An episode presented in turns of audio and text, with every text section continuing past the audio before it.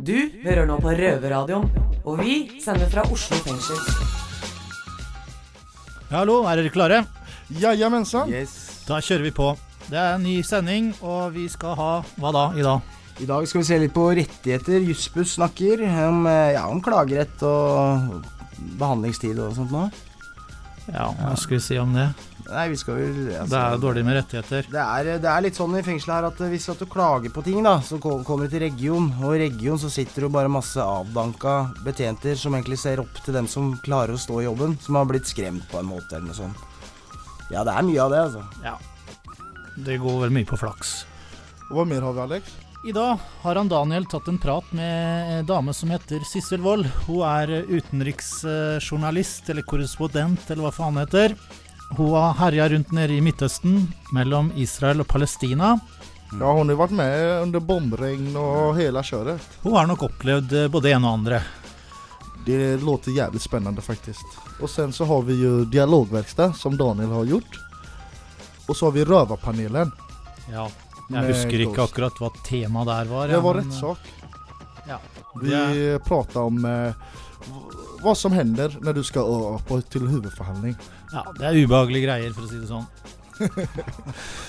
og sen så har vi jo musik nå, fra Chris Brown. Ja.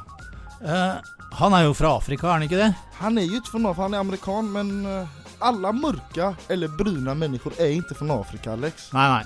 Men uansett, eh, nå er jeg ikke helt sikker på sånn med kilder og sånt nå, for vi sitter jo her inne og får ikke sjekka opp alt mulig på nett, liksom. Men jeg mener han er konemishandler. Stemmer det? Ja, han klaska jo til dama si. Kjør på, men. Rihanna, liksom. Ja, Det er jo ikke pent gjort. Jeg tycker eh, han er litt dum i huvudet. du. Det fins mange andre saker jeg skulle vilja gjøre med henne enn å klaske på henne. Hva, hva, hva er det du ville gjort nå? Det skal vi ikke prate om nå på radio. Björn verkar jeg mer sugen enn meg, om jeg skal være helt Ja, ja. ärlig. Uansett, Rihanna er jo en koselig dame. Ja. Du hører på Røverradioen. Velkommen, folkens. Vi har med oss Sissel Wold, som er tidligere Midtøsten-korrespondent. Klarte jeg å si det riktig nå, Sissel? Korrespondent. Ja, det er vanskelig. Da sier vi bare utenriksreporter fra NRK. Ja, det stemmer. Journalist og forfatter. Velkommen til deg. Tusen takk. Ja, vi har jo hatt en prat tidligere. Dessverre så var det noen som klarte å miste intervjuet. Sånn skjer, så vi får prøve igjen. Syns det er utrolig fint å ha en prat til med deg. Så vi kan jo egentlig bare kjøre på. Eh, du har jo bodd eh, og reist i store deler av verden. Du har vært i Midtøsten, som vi kan beskrive som et betent område. Mye spenninger, konflikter. Eh, og det området jeg tenker aller mest på da, er jo Israel og Palestina som du har sagt skaper enorme store følelser. Eh, både innad i området, men eh, også langt utenfor landegrensene. Har du noen kort kommentar til det jeg sa nå? Det er jo fordi at det er en blanding av religion og politikk og dårlig samvittighet i Europa etter, etter holocaust og hva som skjedde med jødene i Europa.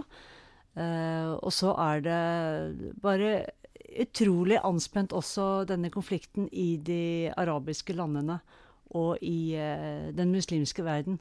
Så det er eh, på en måte alle konflikters mor, og alle har sterke meninger om denne konflikten. Og derfor er den vanskelig å dekke. Ja.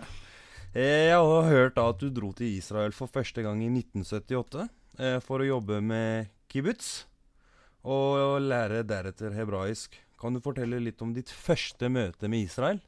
Ja, da var jo jeg veldig ung, da var 19 år og visste jo ikke så mye om konflikten. Men uh, i Norge på den tiden så var jo alle veldig opptatt av Israel og israelerne og syntes at det var synd på dem, for de hadde så mange fiendtlige naboer rundt seg.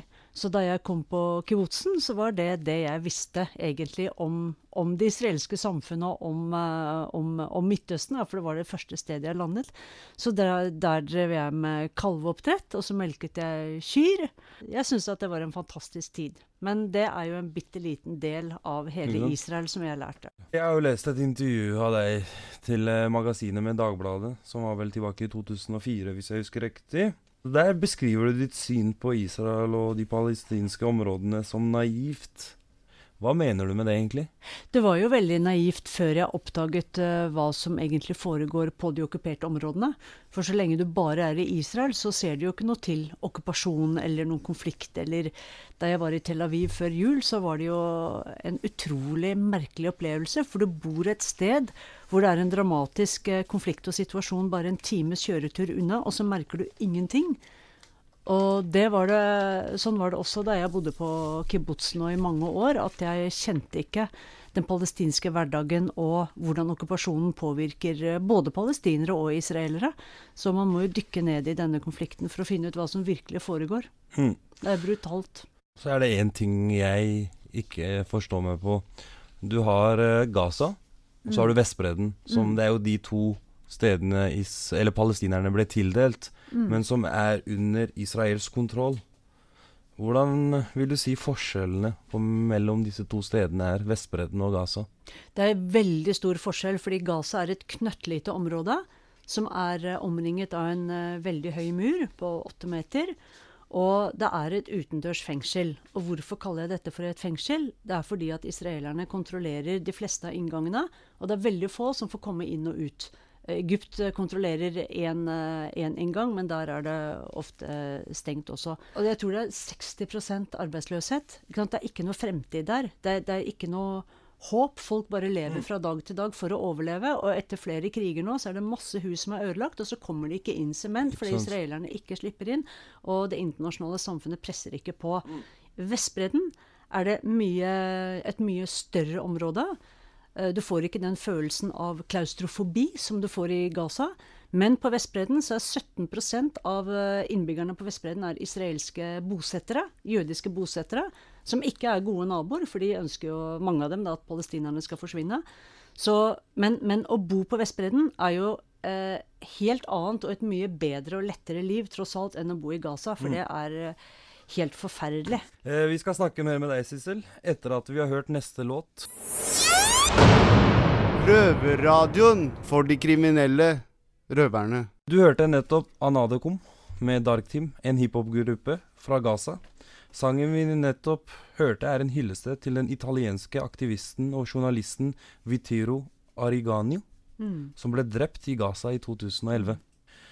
Jeg sitter eh, fremdeles i studio med Midtøsten-journalist og forfatter eh, Sissel Wold. Og Sissel, når vi snakker om journalister, så er det jo en stor forskjell fra å være utenlandskpresse og lokalpresse. Spesielt i et konfliktrammet land. I den palestinske delen, altså Palestina, så er det jo veldig liten pressefrihet, egentlig. Det er uh, ofte at uh, demonstrasjoner blir slått ned med hard hånd fra de palestinske selvstyremyndighetene. Men uh, det er alltid et problem, syns jeg, når jeg skal rapportere, at det er veldig få palestinske aviser som er frie. Eh, på den israelske siden så er det jo mye mer eh, åpenhet. Men også der er det mange journalister som blir eh, altså ikke forfulgt på den måten at de blir slått ned på gaten, men at du får veldig mye ubehag. Og det merker vi også som jobber med denne konflikten som utenlandske pressefolk, men også israelske pressefolk. Du får noe vanvittig mye mailer og utskjelling og organiserte kampanjer mot deg Ja. fra visse miljøer og visse pressgrupper. Men på den palestinske siden så er det mye vanskeligere å vite, for det er eh, færre journalister som tør å være så åpne. Men det begynner å bli litt bedre, tror jeg, og håper jeg, på den palestinske siden. Eh, mediene er jo de som eh, stort sett gir oss et bilde av hvordan situasjonen er i Palestina og Israel. Du har fått veldig mye kritikk i ditt arbeid eh, fra dette området, og mange beskyldninger fra ulike hold om at du både driver propagandaer for Hamas og Hizbollah. Hvordan, eller hva tenker du om denne kritikken? Det er veldig viktig med konstruktiv og ordentlig kritikk. Det er viktig. Men det er stor forskjell på konstruktiv og god kritikk, som vi trenger, enn bare hets og mobbing. For når folk kaller meg for uh, søppel, og du tilhører rennestein, og du er Norges fremste jødehater, og det er jo ikke konstruktivt. Hvis folk er uenig med, med min dekning, så må de jo komme med noe annet enn det. Da må de jo si hvorfor de er uenig. Men en annen ting er at uh, denne konflikten er så Altså den, den er så forgiftet også av religion. Mm. når, du, når du står mot sånne religiøse krefter, så har jo de et helt annet ståsted og helt andre interesser.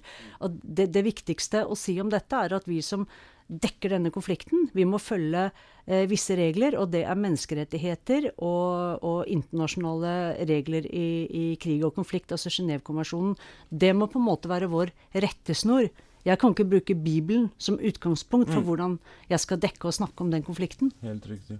Eh, vi må nesten ta et lite avbrekk og spille litt musikk. Men du må fortsette å høre videre på oss i Røverradioen. Eh, vi er tilbake med Sissel Wold, journalist og forfatter. Men først, her har du en låt som ja, du kan få lov å bestemme, Sissel. Hva vil du høre? 'Riders of the Storm'? Er det heter 'Riders on the Storm'? On the Storm, tror jeg on det er. The storm, ja. Med The Doors. Med The Doors, ja. ja. Det er en fin sang. Vi er fremdeles veldig glade for at du vil være gjest hos oss her i Røverradioen. Eh, hvor vi snakker om dine opplevelser og erfaringer fra Palestina og Israel.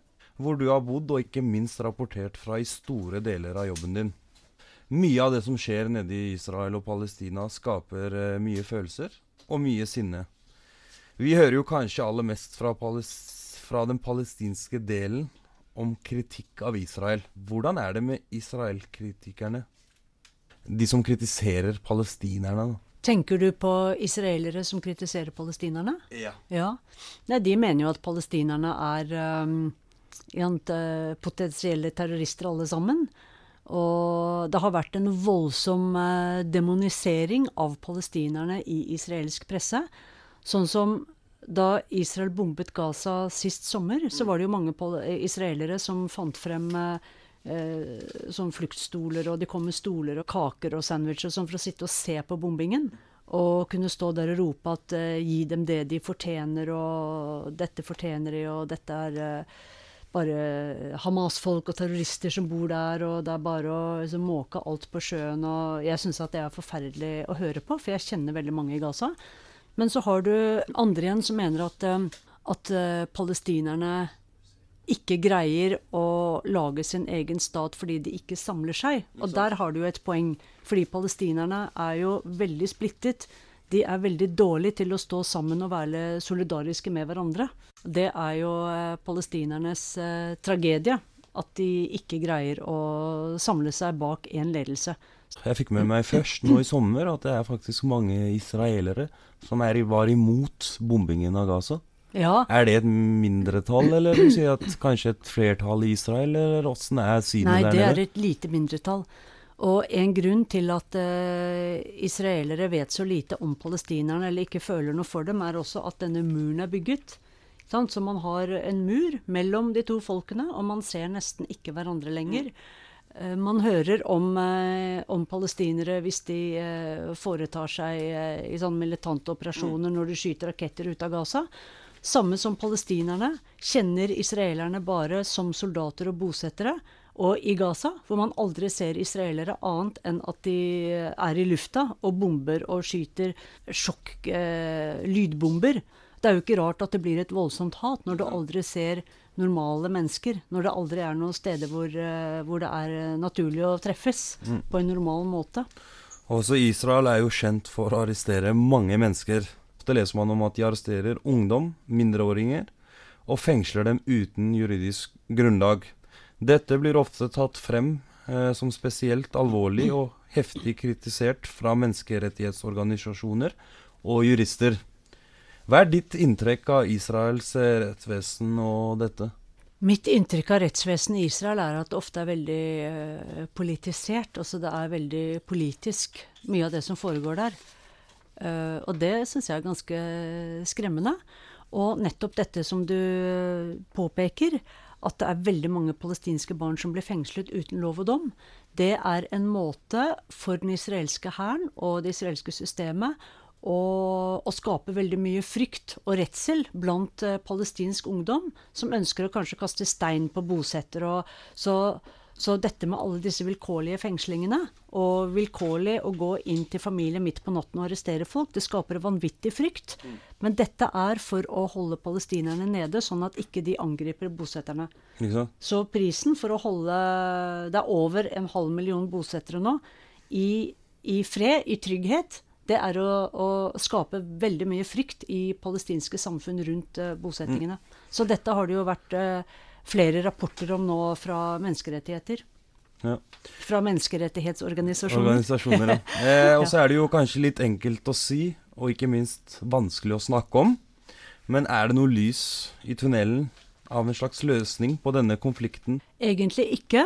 Men eh, alt dette snakket om tostatsløsning, det tror jeg ikke er aktuelt lenger. Fordi at det er altfor mange bosettere som bor på det området hvor palestinerne ønsker å lage sitt sin egen stat. Så det som er aktuelt nå, det er å lage en type enstatsløsning som ingen egentlig vil. Og da er det veldig viktig å få vite hvilke rettigheter er det palestinerne får. Hvis palestinerne ikke får noen eh, sivile rettigheter, Mm. hvis de ikke får stemme under valg, så blir jo Israel en apartheidstyrt eh, type stat. Og det er jo det det store spørsmålet er.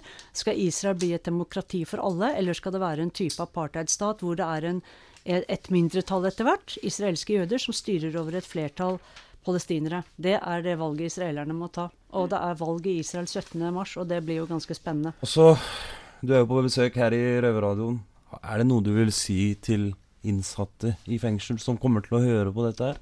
Jeg vil absolutt si noe til de innsatte, og det er at eh, da jeg var yngre, og det er jo en stund siden, så var jeg sånn Røde Kors-visitor. Jeg var som besøksvenn på Ullersmo i et par år, og også her på Oslo kretsfengsel. Og jeg vet at det er veldig mye bra folk som sitter uh, i fengsel, og jeg syns det er veldig veldig stas å bli intervjuet i Røverradioen, det syns jeg. det er hyggelig. Så hallo til alle sammen. Stå Ja. på, hold ut. Ja, men da kan jeg egentlig bare si tusen hjertelig takk for at du kom, eh, Sissel. Eh, Jeg vet jo at du er opptatt med å skrive bok, men eh, vi setter utrolig pris på i hvert fall at du tok deg tid til å komme og prate med meg. Jeg er jo stor fan av deg.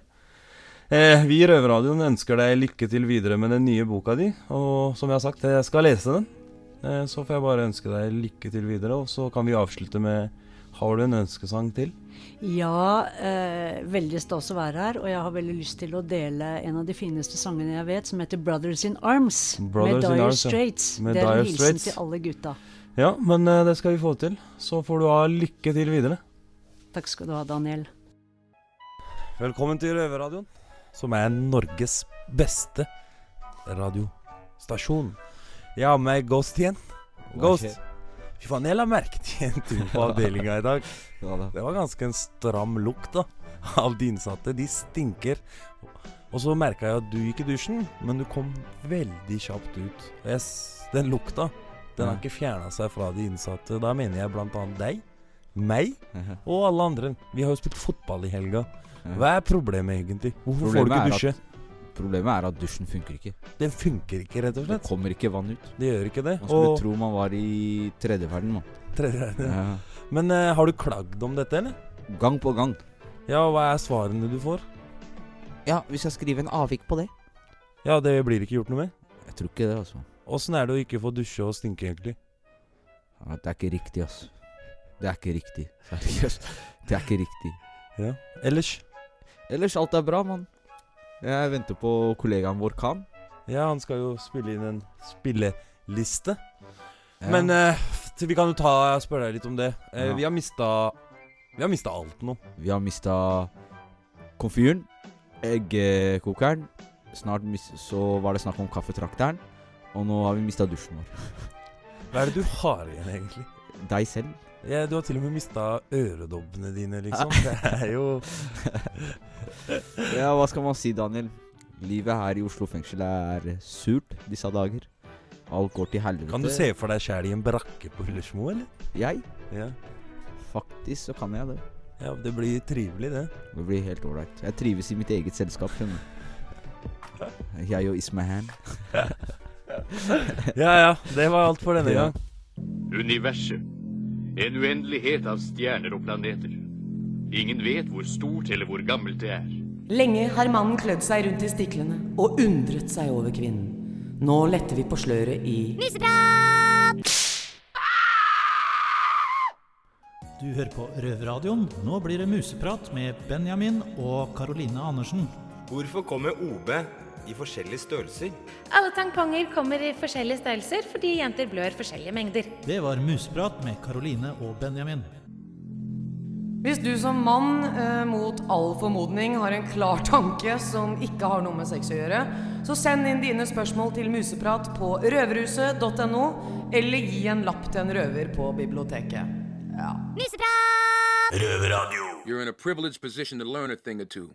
Keep your mouth shut and your eyes open. Velkommen til fengslede nyheter fra innsiden av de slitne murene i Oslo fengsel. Hei, og velkommen til fengslende nyheter på utsiden av de slitne murene på Oslo fengsel. Visste du, Ole, at 92% viser tegn på psykiske lidelser i norske fengsler? Jeg har hatt mine mistanker. Ja, Det er ni av ti innsatte. 18 eh, har ADHD. Mhm. Men ni av ti, det betyr jo at statistisk sett så har enten du eller jeg psykiske lidelser, da. Siden jeg har ADHD, da, så er det du som får de psykiske lidelsene. Det er jeg som er syk i huet, da. Det stemmer. Ok, det forklarer jo litt. Men visste du at 67% av kvinnfolka faker orgasmen sin? Det betyr én av tre. Én av tre, det er mange. Det er litt for mye, altså. 28 av de gjør det for å ikke såre partneren, og 27 gjør det for at de vil ha samleie hurtig overstått. Oh, da har du ikke gjort noe bra jobb, ass. Det er ganske skuffende, i grunnen. ja. Sammenfolk, ta dere sammen, for helvete. Skjerpings. Yes, det var alt vi hadde fra fengslende nyheter fra utsiden av de slitne murene på Oslo fengsel. Røverflash blir presentert av jusstudentenes rettstiltaksgruppe, Jussbuss. Hvor lenge må du vente på svar? Visste du at de som skal avgjøre søknaden eller klagen din, skal gjøre dette uten ugrunnet opphold? Dersom det tar uforholdsmessig lang tid å besvare henvendelsen din, skal du få et foreløpig svar. Denne meldingen skal informere deg om hvorfor saken din ikke har kunnet blitt behandlet før, eh, og helst når du kan forvente et endelig svar. Normalt skal du motta et foreløpig svar dersom henvendelsen din ikke blir besvart innen en måned. Hva som regnes som uforholdsmessig lang tid, vil variere alt etter hva slags søknad eller klage det er. Eksempel vil en benådningssøknad ta lengre tid å behandle enn en søknad om permisjon. Et forhold som også kan spille inn, er hvor stor arbeidsmengde den instansen som behandler saken din, har. Røverflash blir presentert av jusstudentenes rettstiltaksgruppe, Jussbuss. Ja, det her er Olli på Rövarradion tillsammans med Bjørnar, og i bakgrunnen så henger Alex som vanlig. Og vi hørte precis klagorätt. Ja. Hva er din åsikt Bjørnar? Altså Når det gjelder egentlig søknadsprosessen i Oslo fengsel, da, som jeg sitter, så syns jeg det er eh, litt sånn eh, ymse. Jeg syns man kunne fått vært med på rådsmøtene, som vi faktisk har krav på, og legge fram saken vår. Og så får vi da i hvert fall eh, en litt mer oversikt over hva som er reelt, da. Altså de sier eh, Kontaktbetjenten kan jo stå og si ja, du må ha leilighet, du må ha jobb. eh, og du må ha oppført deg litt inne, da, som sier seg sjæl. Men så lenge du har oppfylt alt det der, så er det ofte de kommer tilbake. Altså, de går for det og sier at eh, ja, du kommer til å få det, og så får du det ikke allikevel. Og da lurer man jo på hva som har skjedd på det rådet. Uh, og det Ja, det kan man jo lure på. Kaffepause og snakke skit. Jeg tror veldig mye er basert på flaks. Ja grabbar, Da bara kom vi fram til at vi behøver flaks, ikke en bra søknad. Nei, flaks er eh, Det er viktig. Så allihopa, hoppas på flaks, og hoppas ni kommer ut härifrån. Kanskje vi skal ta med litt om hvilke dager er best å levere inn søknad på? Ikke mandag. Hvorfor? Nei, altså på mandag da skal folk som regel ta igjen eh, for uh, Altså, altså folk har vært Si det som det er, de er slitne etter helga. Er mange er slitne etter he- helga, om det gjelder sure koner eller fylla eller hva det er for noe. Men de skal i hvert fall ta igjen det fortapte, da. Og da å sitte i retten på en mandag, har du gjort det noen gang, Alex? Det er jeg ikke sikker på, men det er eh, veldig basert på åssen eh, dommer eller personell har hatt det i helga. Blir du fremstilt for varetektsfengsling da, på en fredag, da, så har du 80% større sjanse for å slippe ut da, enn, enn den der ma- mandag, liksom. Du er første saken den får på mandag, liksom. Det er jeg enig i. Så søker du to tredjedeler, eller noen sökning överhuvudtaget, skikker den på en fredag. Da takker jeg for oss, og setter over til en personlig favoritt av meg, Bob Dylan med 'Ring Them Bell'. Oi! Boris Bete da. Hva vi du, sjef?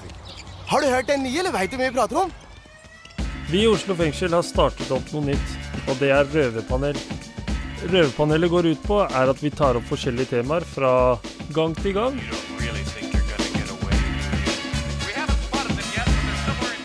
Yes, gutta. I dag skal vi snakke litt om eh, rettssak. Som dere vet, så var det vår gamle venn Osman som hadde med Rødpanelet å gjøre. Nå er det jeg som har tatt over. Mitt navn er Ghost, og jeg er pappaen i sjappa her. Jeg styrer dette showet fra meg nå. Endelig har jeg nok oppmerksomhet for det. Yes, gutta. I dag skal vi snakke litt om eh, rettssak. Og jeg har med meg Wally og Khan. Skjer'a, gutta? Ja, det bare bra. Ikke noe stort, bare slapper av. Yes.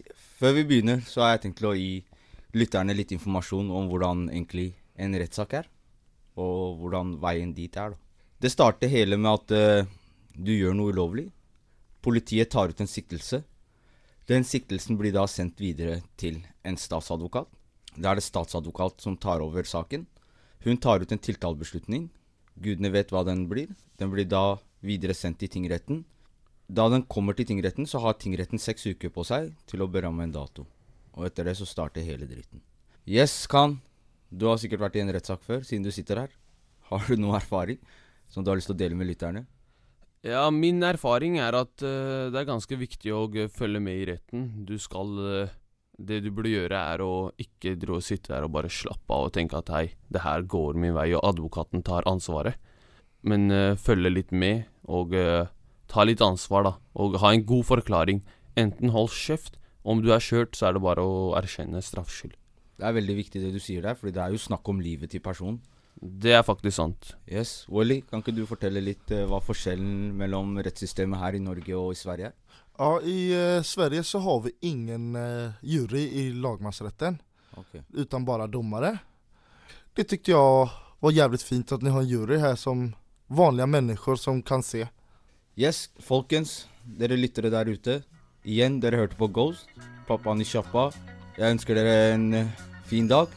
Og gutta boys, takk for uh, erfaringene deres. Yes, Ghost. Yeah, buddy. Røverradioen for de kriminelle røverne. Woli, er du redo? Jeg er helt klar. Klar for å lage avslutning. Ja. Hva var det vi akkurat hørte nå? Vi hørte Across 110 Street med Bobby Womack Og den er kjent fra American Gangster når han plukker opp pengene. American Gangster er jo en skikkelig bra film. Ja.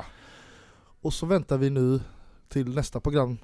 Forhåpentligvis så får vi klarert Charterhilda. Ja. Taja Tadja Had Hadja Tadjik eller hva hun heter. Og Kjersti Løken Stavron som er fra pressens faglige utval. Ja, hva tror du hun har å si til det opplegget vi driver med her inne? Jeg vet ikke, jeg tenker det är bra prosjekt det vi holder på med. Ja, ja, ja, men jeg tenker på sånn eh, pressens faglige utvalg. Jeg vet ikke åssen det er med sånn kilderesearch. Vi sliter jo litt med det, i og med at vi er jo ikke helt på nett her inne, da. Nei, vi snakker mye pisk, jeg tenker meg. Ja, hun er kanskje ikke vant til så frittalende typer. Nei, det kan jeg tenke meg. Jeg tror ikke det er sånne som hun har som kolleger på det hun jobber. Nei. Men har du noe bakgrunnskunnskap angående de tre frøkene som vi mest sannsynlig får inn her? Er det Ja. noen av dem som er single? Skal vi fikse noen mannfolk til dem innan til her, eller hva skjer? Eh, jag tror den enda som er singel utav dem er Charterhilda. Er ikke hun opptatt med kongen av Mallorca? Nei, de har et åpent forhold, eller så har de gjort slut. Ja, ja, uansett så skal vi alltid klare å finne en type til henne her inne, hvis du har lyst på det. Haja Tajik? Hun er jo politiker. Jeg er usikker på for hvilket parti, men Arbetarpartiet. Ska svensken berätta till dig? Det är jävligt komiskt. Ja, jeg, har ikke, jeg setter meg ikke så veldig inn i politikk og religion. Det er roten til alt vondt, for å si det sånn. Uh, det blir vel også noe musikk. Vi har Bjørnar som skal spille sin nye låt. Josefin. Hvorfor har du ikke døpt den opp etter dama di? Hun heter jo ikke Josefin. Nei, men det er jo ikke Josefin som Ja, det er jo en dame. Men eh, det er jo Det er en liten hemmelighet, det der. Folk må nesten bare høre på teksten, så skjønner de vel det. Jeg tror kanskje ikke dama mi blir veldig sjalu. Nei. Men da tar du introen til den sjøl, da. Ja. Der kommer min nye låt som eh, Eller det er jo faktisk Jeg er jo bare synger jo på denne låta. Den er eh, lagd av Trygve og eh, Ole ute. Hei, hei, hallo! Ja, Bjørnar og Wally. Og jeg sitter faktisk her med Ole i studio på Majorstad nå. Og Ole, låta deres ble lansert i går på Soundcloud, Vimp og Spotify. Gratulerer, mann. Takk, takk. Åssen føles det å være fullverdig musikkprodusent? Hva skal man si? Mm, det har vel ikke helt sunket inn ennå, men det begynner jo sakte, men sikkert å gå opp litt. Etter alle de tilbakemeldingene man får. folk er tydeligvis fornøyd så langt. Ja, ikke sant? Ja, ja, men eh, helt klart, jeg digger låta i hvert fall. Og jeg merker at eh, alle som hører den, også digger den. Fett. Ja, så er det litt gøy også å gå inn på Spotify, for eksempel, da, og hvor jeg har sittet mye og hørt mye kul musikk fra masse kjente artister, og så plutselig kommer låta til deg, Trygve, Det er jo Trygve opp. Ja, det Jeg har i grunnen aldri sett for meg det, men eh, ting skjer. Ja, det er fett. Nytt kapittel. Stemmer. Ja, men uh, i går uh, Dere lanserte den i går, uh, på onsdag. Ehm, og eh, da lanserte dere den, den låta som en sommerlåt. Sola skinte, det var vår i lufta. Men i dag så er det full vinter igjen. Er litt uflaks, eller? Det kan du trygt si. Jeg våkna i morges med mye snø på hodeputa i vinduskarmen, så det slo litt feil, men gjort er gjort. Det er ikke noe vi får gjort med det nå. altså. Nei, men Vi får satse på at folk får sommerfølelse av den låta. Eh, det får jeg i hvert fall. Og glemme vekk den, eh, det gufset av den vinter som kom tilbake i dag.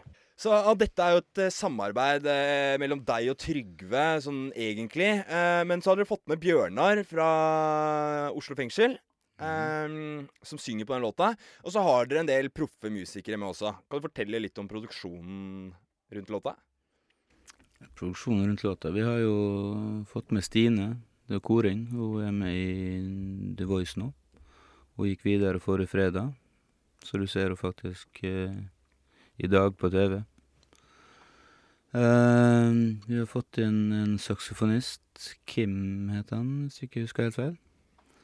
Utrolig dyktig fyr. Han Det er helt utrolig. Jeg satt bare og måpa. Ja, ikke sant? Ja, men Så Så- kult. Jeg er, jeg er litt privilegert da, for å jobbe med så flinke folk. Ja, det, det Jeg er tom for ord. Nei, men altså, det, det er helt utrolig. Og så for ikke Vi må ikke glemme Trygve her, da. Han er jo et kapittel for seg sjøl. Jeg digger den mannen overalt på jord, mann. Og han er utrolig dyktig i det han driver med. Ja, for Jeg kjenner jo dere to litt, og dere har fått et veldig godt samarbeid sammen her på utsida etter at dere ble kjent på innsida. Mm -hmm. uh, og jeg, jeg syns bare det er så positivt, fordi dere hjelper hverandre opp, begge to, da. Uh, så det er kult å se. Uh... Det ser vi med Trygve. Jeg tror litt Jeg vet faen om det bare er jeg som tenker det sånn, men han er liksom den rolig avbalanserte typen som liksom ikke gjør så mye ut av seg, da. Jeg er kanskje litt motsatt. Så liksom Jeg tror jeg på en måte jeg trenger litt av han i mitt liv, og kanskje han trenger litt av meg sitt, for å si det sånn. da. så dere utfyller hverandre. det høres ut som et ektepar, men ja, kanskje. Du får spørre han når du får anledning. Hva skjer videre nå med den derre duoen eh, som er OT? Eh, blir det mer produksjoner, eller hva tenker dere framover? Det blir det helt klart. Eh, nå skjer det litt mye på forskjellige kanter. I morgen så skal vi til Halden, Radio Prime. Men vi begynner på neste låt allerede neste uke, tror jeg. Vi har ikke helt bestemt oss for hvilken sjanger og kategori den havner igjen da. Men uh, vi har jo prata litt om det, så vi får se hva vi kommer frem til. Jeg gleder meg i hvert fall veldig til å høre fortsettelsen uh, til deg og Trygve. Og, jeg eh. Ja, helt klart. Det blir gøy å følge med videre. Mm. Så tusen takk for at vi fikk tatt en liten prat her nå. Bare hyggelig. Så nå så tenkte jeg liksom vi kunne få høre godlåta. Selvfølgelig, mann. Har du lyst til å introdusere den, eller? Ja, her har du Josephine med OT feat Green Pass. God sommer.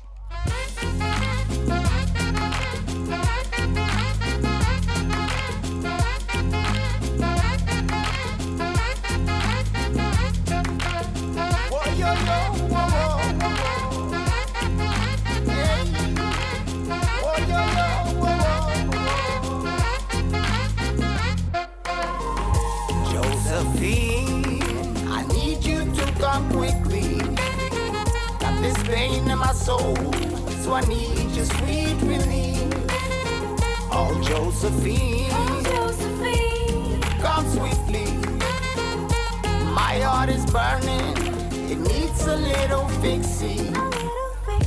Got this thorn in my eye, don't know if you can see it. But I feel tricked, roaming these endless streets. Don't know where I started out, don't know where I should be. Cause I went rogue for so long ago, so I just keep moving on. Josephine, I need you to come quickly. This pain in my soul, so I need your sweet relief. Oh, Josephine, come swiftly. My heart is burning, it needs a little fixing. As I lay down by the riverside, dreaming away the troubles in my life. Hoping there will come a new day, a, a new day with a brand new dawn, so I can keep on keeping on. Josephine, I need you to come quickly. Got this pain in my soul, so I need your sweet relief. Oh, Josephine, oh, come swiftly. My heart is burning, it needs a little fixing.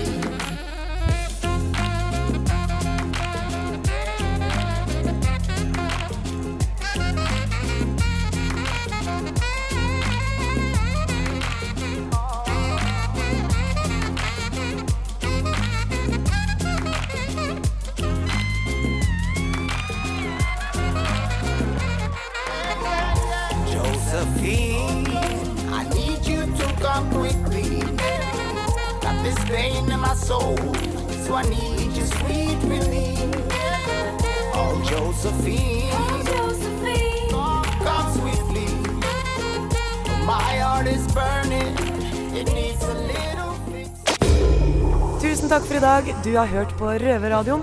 Vi er tilbake neste fredag klokka seks her på Radio Nova. Og på innsiden av fengselet er det selvfølgelig ny sending hver helg.